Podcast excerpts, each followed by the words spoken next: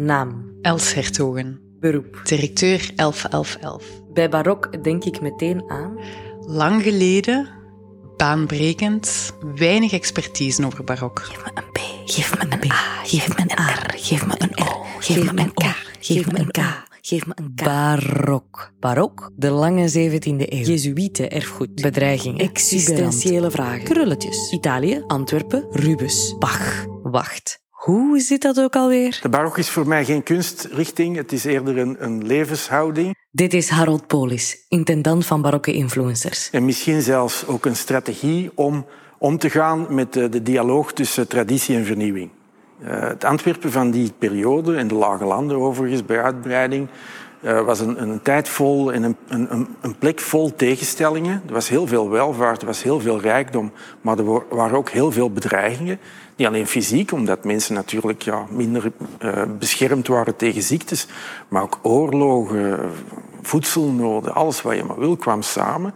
En de barok is in dat opzicht uh, eerder een stijlfiguur. Hoe gaan we om met al die ja, uh, onvoorziene elementen? Verhaal van de Jezuïeten in de 17e eeuw. Dit is Pierre Delsart, curator van de centrale tentoonstelling Barokke Influencers. Jezuïeten, Rubens en de kunst van het overtuigen. kan niet helpen, denk ik, om ons, onze huidige problemen op te lossen, maar ze kan, het, het kan ze wel in perspectief plaatsen. Dat tijdsgevricht en, en de rol van de Jezuïeten op dat moment. Dit is Bea Cantillon, voorzitter van UXIA VZW, initiatiefnemer van het festival. Het is het vertrekpunt om ja, na te denken over eh, de oplossingen voor de grote problemen waar dat we vandaag voor staan. Klimaat, eh, energieprijzen, um, ongelijkheid, armoede um, en ja, grote geopolitieke veranderingen.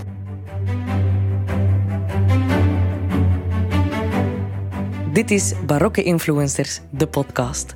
Een reeks naar aanleiding en in aanloop van Barokke Influencers, het festival. Een stadsfestival van traditie en vernieuwing in Antwerpen. Ik ben Anke Verschuren en ik heb een aantal onderwerpen geselecteerd die tegelijkertijd eeuwenoud en brandend actueel zijn.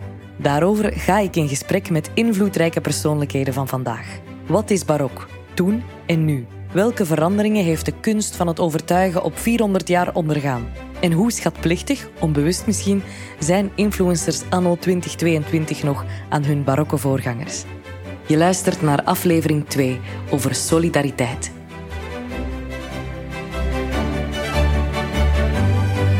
Leonard Lessius meets Els Hertogen. Solidariteit. Gevoel van één zijn met anderen. Samenhorigheid. Althans, volgens de Vandalen. Het is in ieder geval een onderwerp dat al honderden jaren hoog op de agenda staat. Of zou moeten staan misschien, bij heel veel mensen. Zo ook bij de Jezuïeten in de 17e eeuw. Voor hen was solidariteit een fundamentele waarde die een centrale rol speelde in al hun bezigheden. Een van de invloedrijkste Jezuïeten uit de zuidelijke Nederlanden tijdens de barok was Leonard Lessius. Hij was moraaltheoloog en ethicus en in zijn traktaten zitten een aantal baanbrekende ideeën over solidariteit vervat. Ik heb vijf stellingen bedacht waarop Els Hertogen vanuit haar werk als directeur van 1111 en vanuit haar blik op solidariteit vandaag kan reageren. Samen gaan we terugkijken naar 400 jaar geleden. What would Lessius have done? Of have thought? En hoe moet het met de toekomst? Stelling 1.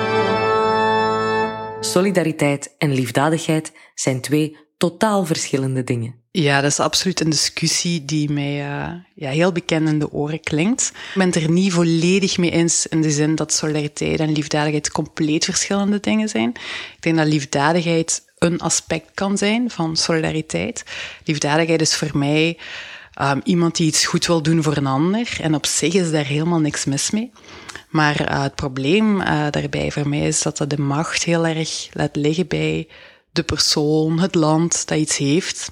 En dat beslist om te geven aan iemand anders. En voor mij staat er toch wel tegenover het concept van rechtvaardigheid. Dat betekent dat als je onrecht ziet, ongelijkheid ziet, dat je um, dat niet gewoon vaststelt en zegt, goh, ik wil daar misschien nu wel iets aan doen, ik wil helpen, ik wil wat geld geven, maar dat je veel verder kijkt en dat je je gaat afvragen, hoe komt dit onrecht um, er? Uh, wat is de oorzaak van die ongelijkheid? En dat je dan gaat nadenken, en hoe kan ik die oorzaken gaan aanpakken? En om dat bijvoorbeeld heel concreet te maken, we hebben um, ja, de pandemie achter de rug. We hebben gemerkt dat um, op het moment dat de COVID-vaccins ter beschikking waren, ja, dat er toch wel een ongelijkheid was in welke landen en welke mensen toegang hadden tot die vaccins. En dan zou je daar naar kunnen kijken, naar die ongelijkheid, als zijnde, goh, dat is nu toch erg dat ze daar niet die vaccins hebben. Laten we overschotten die wij hier hebben van vaccins geven aan, aan lagere inkomenslanden.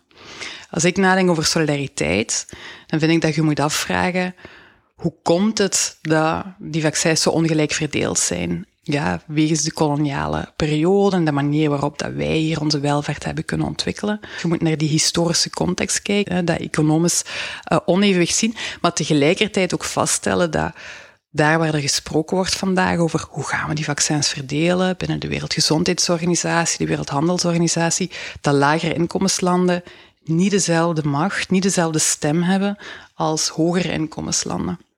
En als je dan kijkt naar het vraagstuk van hoe gaan we vaccinongelijkheid aanpakken, dan komt bijvoorbeeld het idee dat in Zuid-Afrika en India naar voren hebben geschoven van laten we structureel de patentregeling die farmabedrijven eigenlijk de mogelijkheid geeft om, om de formule van een vaccin te maken voor hun te houden, laten we die patentregeling tijdelijk toch on hold zetten. Dat um, de formule voor hoe een vaccin maakt, dat dat ook voor andere landen uh, beschikbaar is een juiste kijk krijgen op wat ongelijkheid is vandaag en hoe we dat willen aanpakken, vraagt dat je verder gaat dan dat liefdadigheidsnarratief, dat, dat hulpnarratief dat we wel allemaal hebben, hebben meegekregen. En dus dat stamt echt nog voort ja, uit een heel koloniaal, paternalistisch, ja, scheve machtsverhouding die, die toch onze industriële ontwikkeling hier uh, getekend heeft. Even terug in de tijd. Even over die belangrijke christelijke waarden barmhartigheid. Als ik lees over de discussies die er in de tijd van lesjes waren, over barmhartigheid, dan was dat heel erg gericht op dat moment over hoe kan een individu iets betekenen voor een ander individu, hoe kunnen we ja, barmhartig, liefdadig zijn. Ik kom zelf uit een gezin met ja, christelijke roots, of roots in de christelijke arbeidersbeweging, maar um, het voorbeeld dat er in mijn familie um, werd gebruikt was het voorbeeld van kardinaal Kardijn. En dat was iemand die uh, eigenlijk iedereen wel appelleerde in je moet het onrecht zien, het beoordelen dat het onrecht is en er naar handelen. En dus binnen die christelijke traditie was hij iemand die veel meer vanuit een rechtvaardigheidsideaal naar, naar ja, solidariteit kijkt dan vanuit een barmhartigheidsidee. Dus voor mij blijft um, de invulling van barmhartigheid nog wel te veel hangen in goh, garmen, we gaan helpen en we gaan goed doen. En staat te ver af van de invulling die bijvoorbeeld Cardijn gaf als zijnde. We gaan het onrecht recht trekken. Cardijn was kardinaal in de 20e eeuw. Nog eens 300 jaar eerder, pal in de barok, leefde Leonardus Lessius. Ook hij dacht na over barmhartigheid. Door de ontdekkingsreizen en de groeiende internationale handel werd in de barok de wereldburger geboren. Gericht op internationalisering en vol ondernemingszin. Er was een grote nood aan financiële liquiditeit, aan beleggingen, aan leningen. En dan was er de kerk, met barmhartigheid als absolute waarde die een verbod op interesse oplegde. Bij de niet-christelijke werden er woekerwinsten gedraaid door de hoge interesse. Bij de christenen moest lenen gelijk zijn aan geven, puur barmhartig dus, zonder de garantie het geleende geld ooit terug te krijgen. Lessius kwam met een oplossing, een gulden middenweg. De bergen van barmhartigheid leningen aan armen zonder te gaan woekeren, zonder te focussen op winst, maar wel met een kleine interest, om zo de kosten van de instelling te dekken, zodat die zelfbedruipend kon zijn. Ik denk wat er heel interessant aan is, is dat je eigenlijk um, het aspect op tafel legde van um, een soort van eigenaarschap, verantwoordelijkheid en dus eigenlijk erkenning van oké, iemand die op een bepaald moment um, een lening nodig heeft om stappen te kunnen zetten, dat je daar inderdaad ook hetzelfde van kunt verwachten. Of dat iemand nu in een, in een uh, moeilijkere economische positie zit dan iemand die meer middelen heeft. Dat vertrekt vanuit een, een mensbeeld. Ja, laten we inderdaad um, ook een verantwoordelijkheid bij de lener leggen over het laten voorbestaan van die financiële instelling. Hè. De, degene die de kredieten verleent, want er zijn ook vaak uh, kosten om leningen te kunnen toestaan. Dus eigenlijk trekt je de persoon die krediet krijgt mee in bad van oké, okay, als dit een belangrijk vehikel is, een belangrijke instelling ook voor, voor jou om toegang te hebben tot middelen, dan heb je ook mee een verantwoordelijkheid voor het voorbestaan van die instelling. En dat is zeker iets wat ik heel erg herken als je dan de debatten over ontwikkelingssamenwerking uh, kon volgen de afgelopen decennia, dan is er wel een heel grote shift geweest naar gelijkwaardigheid of alleszins het, het niet kijken naar iemand die in financiële nood zit als van, goh, we moeten, och garm toch, we gaan die alleen maar moeten, moeten helpen. Maar die ergens mee in bad trekken van hoe kunnen we tot structurele oplossingen komen, zij het hier dan een antwoord bieden op toegang tot financiële uh, middelen. Als je dan de parallel trekt naar deze tijden, dan um, is er heel het concept van de microfinanciering. Dat was eigenlijk een, een mechanisme waardoor dat mensen die geen toegang hadden tot wat we noemen het normale ja, financiële instrumenten zoals lening of een rekening kunnen openen enzovoort, die eigenlijk wel de kans kregen via um, andere instituties die minder hoge uh, voorwaarden stelden enzovoort om daar toch geld te lenen. Maar dat wordt momenteel wel geëvolueerd als iets wat toch in grote mate gedraaid is naar um, het realiseren van winst. Dus ik herken wel veel in die denkoefening, maar ik zie ook wel een aantal um, valkuilen en risico's. Naast uh, microkrediet is er nu een hele dynamiek bezig van cash transfers, waarbij eigenlijk nog meer vertrokken wordt vanuit het eigenaarschap en de inschatting van mensen die geen toegang hebben tot kredieten. En daar wordt eigenlijk gewoon gezegd, hier is een gift. Jullie hebben toegang tot deze cash en doe daar maar mee wat dat je vindt dat, dat nodig is. En dat wordt via onderzoek opgevolgd. En daaruit blijkt dat mensen heel erg in staat zijn om zelf te bepalen oké, ik wil het nu besteden aan, aan aankoop van vee of het onderwijs enzovoort. Dus dat gaat weg van het leningenstuk, gaat echt naar cash transfers en dat blijkt wel zeer, uh, zeer succesvol. En is dat dan warmhartigheid?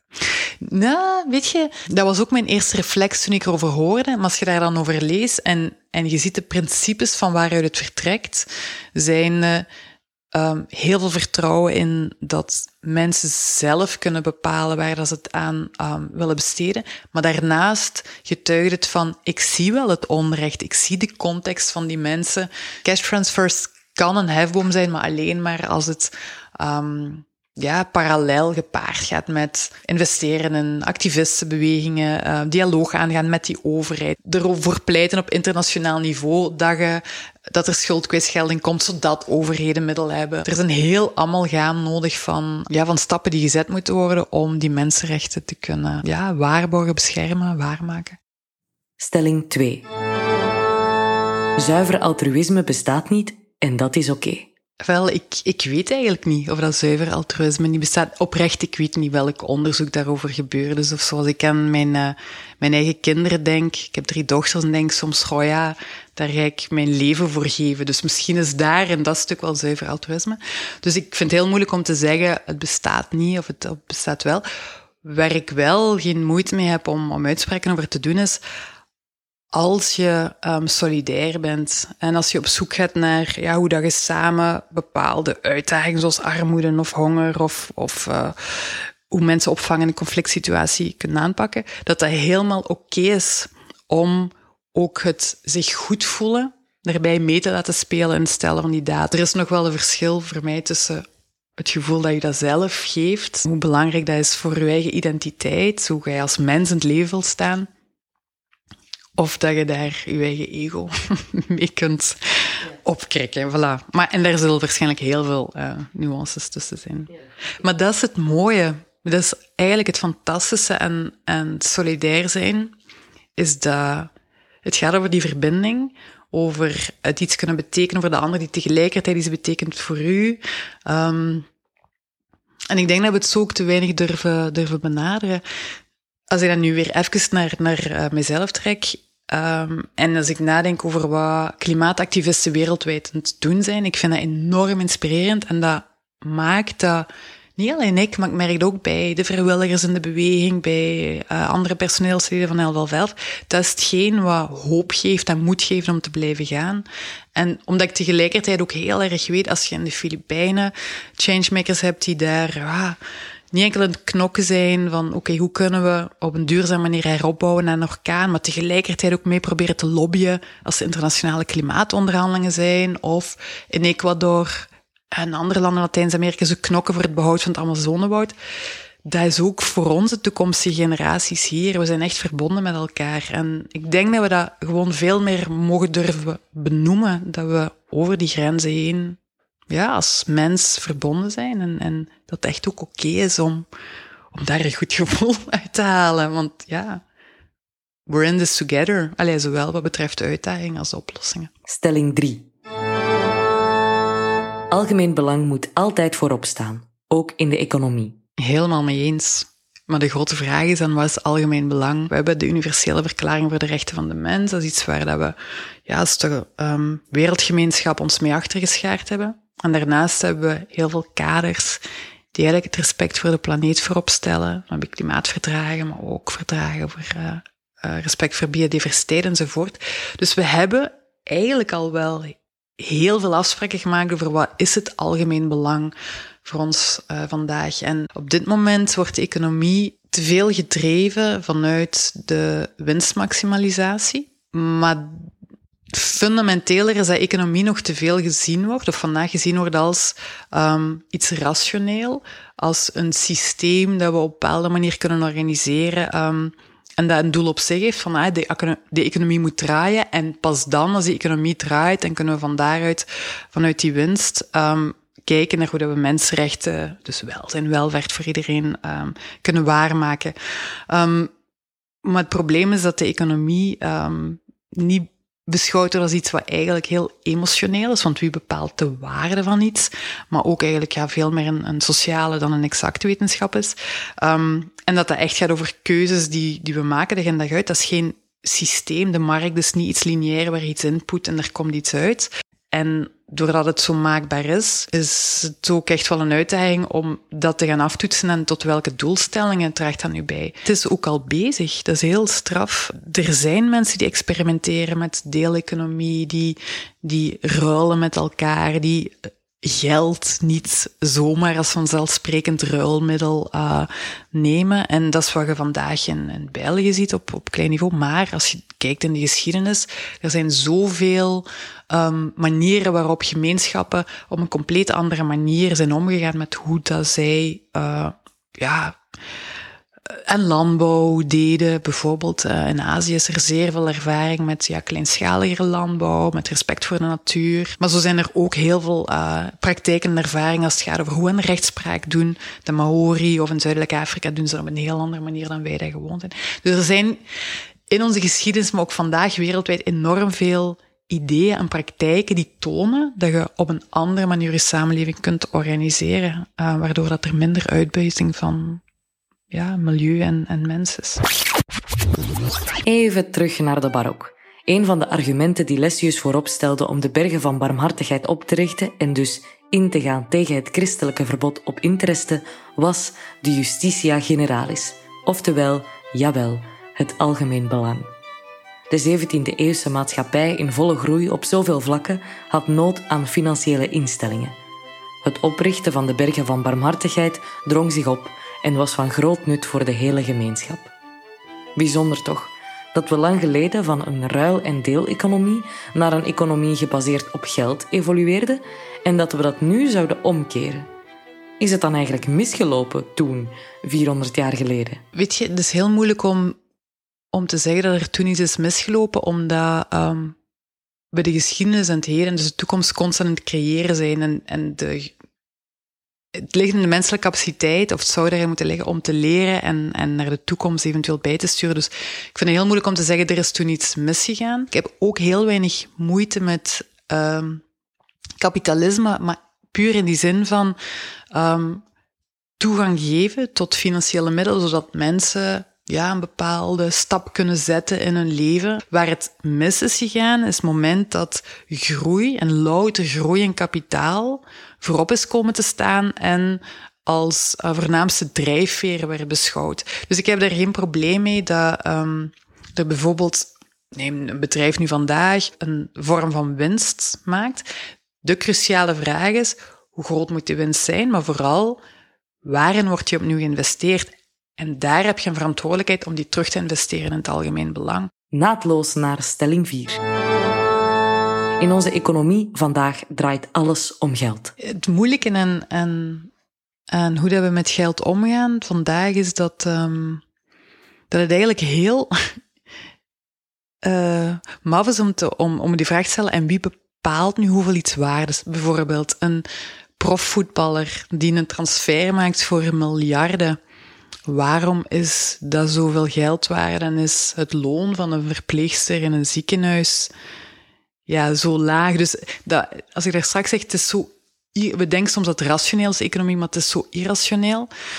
Ja, dan, uh, dan is dat voor mij wel een van de grote uitdagingen. Vragen wie bepaalt hoeveel iets waard is. Of hetzelfde als je kijkt naar het, uh, het BNP van een land. Ja, een heel belangrijk aspect daarvan is natuurlijk de, de formele betaalde arbeid, wat er niet in rekening wordt gebracht. Dus hoeveel uren dat er gespendeerd wordt thuis aan zorg van ouderen of kinderen enzovoort. Dus um, nog los van is het is geld het probleem of niet? Is het vooral de vraag, maar hoe bepalen we nu hoeveel iets waard is? En zo denken, oh, dat is de markt en de markt is rationeel. Nee, dat is niet waar. Stelling 5 is even heel concreet en heel erg actueel.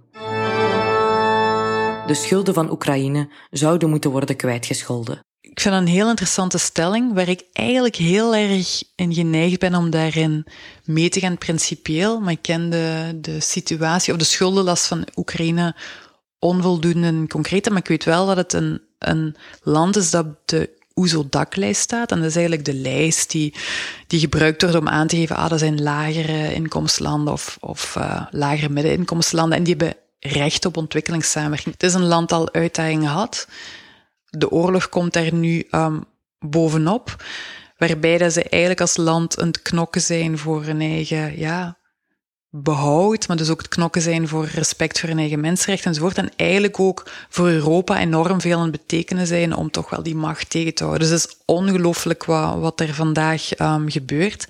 En dan ben ik ervan overtuigd dat die context moet meegenomen worden om te kijken naar, oké, de schulden die in het verleden zijn aangegaan, die vaak ook zijn aangegaan, niet per se om tegemoet te komen aan noden van de burgers. Soms is dat om tegemoet te komen aan noden van bepaalde oligarchen enzovoort. Dus je moet ergens naar de historiek van, van de Oekraïnse schuld gaan kijken van, zijn die eigenlijk wel legitiem opgebouwd en, en waarom zijn die opgebouwd?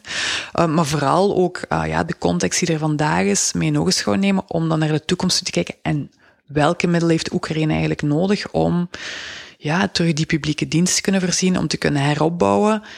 En ja, dan vind ik wel de schuldkwijtschelding op tafel moet kunnen komen. Zeker als de schulden zijn aangegaan bij bijvoorbeeld de Wereldbank, die ooit zijn opgestart om eigenlijk aan ontwikkelingssamenwerking te doen. Dan, als uw doelstelling is ervoor zorgen dat mensenrechten van, van de burgers gerealiseerd worden, dan is dat voor mij een no-brainer dat je op dat moment daarover praat en zegt, oké, we gaan terug, we gaan mee ervoor kiezen dat Oekraïne naar dat blanco blad kan gaan en de middelen die ze wel hebben kunnen investeren naar opbouw, um, bescherming van hun eigen burgers enzovoort. Lessius was geen voorstander van kwijtschelding van schulden in geval van nood. Dit vooral omdat hij beide contractanten, dus zowel de uitlener als de lener, gelijkwaardig achtte en hun beider belangen verdedigde. Daarom pleitte hij doorgaans voor uitstel van betaling. Tegelijkertijd was hij net als de andere Jezuïeten casuïst. En volgens de casuïstiek kunnen morele vraagstukken eigenlijk niet beantwoord worden aan de hand van algemene principes die blind in elke situatie moeten worden toegepast. Nee, volgens casuïsten zijn beslissingen steeds afhankelijk van de specifieke context en moet er dus geval per geval worden beoordeeld. What would Lessius have done in dit geval? Super interessant. Ik weet het ook niet, want ik wou nu zeggen, hij spreekt zich daar eigenlijk een beetje in tegen, maar hij zal waarschijnlijk zeggen dat dat niet zo is, maar eh, bij mij is heel erg, als je vanuit de context vertrekt, dan vind ik dat je wel nog het deurtje moet, wel moet openhouden van eventuele schuldkwijtschelding mogelijk te maken. Terwijl ik ook wel wil aanvullen, schuldkwijtschelding is voor mij ook wel een van de laatste opties. Zijn heel veel andere manieren om in dialoog te gaan met uh, ja, hij die het krediet geleend heeft. Is uitstel van betaling inderdaad een mogelijkheid, um, gezien de context. Um, ja, beperkte schuldkwijtschelding voor een gedeelte of moet het volledige schuldkwijtschelding zijn? Dus ik vind het wel een interessant vraagstuk. En wat ook heel interessant is daaraan, is als je um, kijkt naar hoe wij kijken naar schuld, dat is voor ons een evidentie vandaag, is dat nu individueel of op landenniveau, dat als er een schuld is, dan moet die afbetaald worden. Kost wat kost, dat is de verplichting die je hebt. Terwijl, um, ja, blijkbaar in het verleden, zo keizers en koningen, op het moment dat zij aan de macht kwamen, soms ook gewoon voor een, een algemene schuldkwijtschelding gingen om de burgers in hun land de mogelijkheid te geven van ja, het is gewoon vanuit een blanco blad dat we gaan vertrekken. Dus ik vind dat wel, als ik dat hoor, is dat voor mij wel, wel zo uh, een eye-opener of dan breekt dat mijn brein wel wat open van ha, maar dat is zo'n een, een vastgeroest narratief. Ons brein breken over vastgeroeste narratieven en allerhande andere uitdagingen. Daar is bij uitstek ruimte voor tijdens barokke influencers. Het Stadsfestival van Traditie en Vernieuwing, een initiatief van UXIA en de Universiteit Antwerpen. Solidariteit zal een van de onderwerpen zijn binnen de lezingenreeks Grote Vragen, waarin sprekers uit binnen- en buitenland verschillende actuele thema's met een historische invalshoek en een blik op de toekomst aan de tand zullen voelen. Alle info over het festival vind je op www.barokkeinfluencers.be. Dit was aflevering 2 van Barokke Influencers, de podcast. Dank voor het luisteren.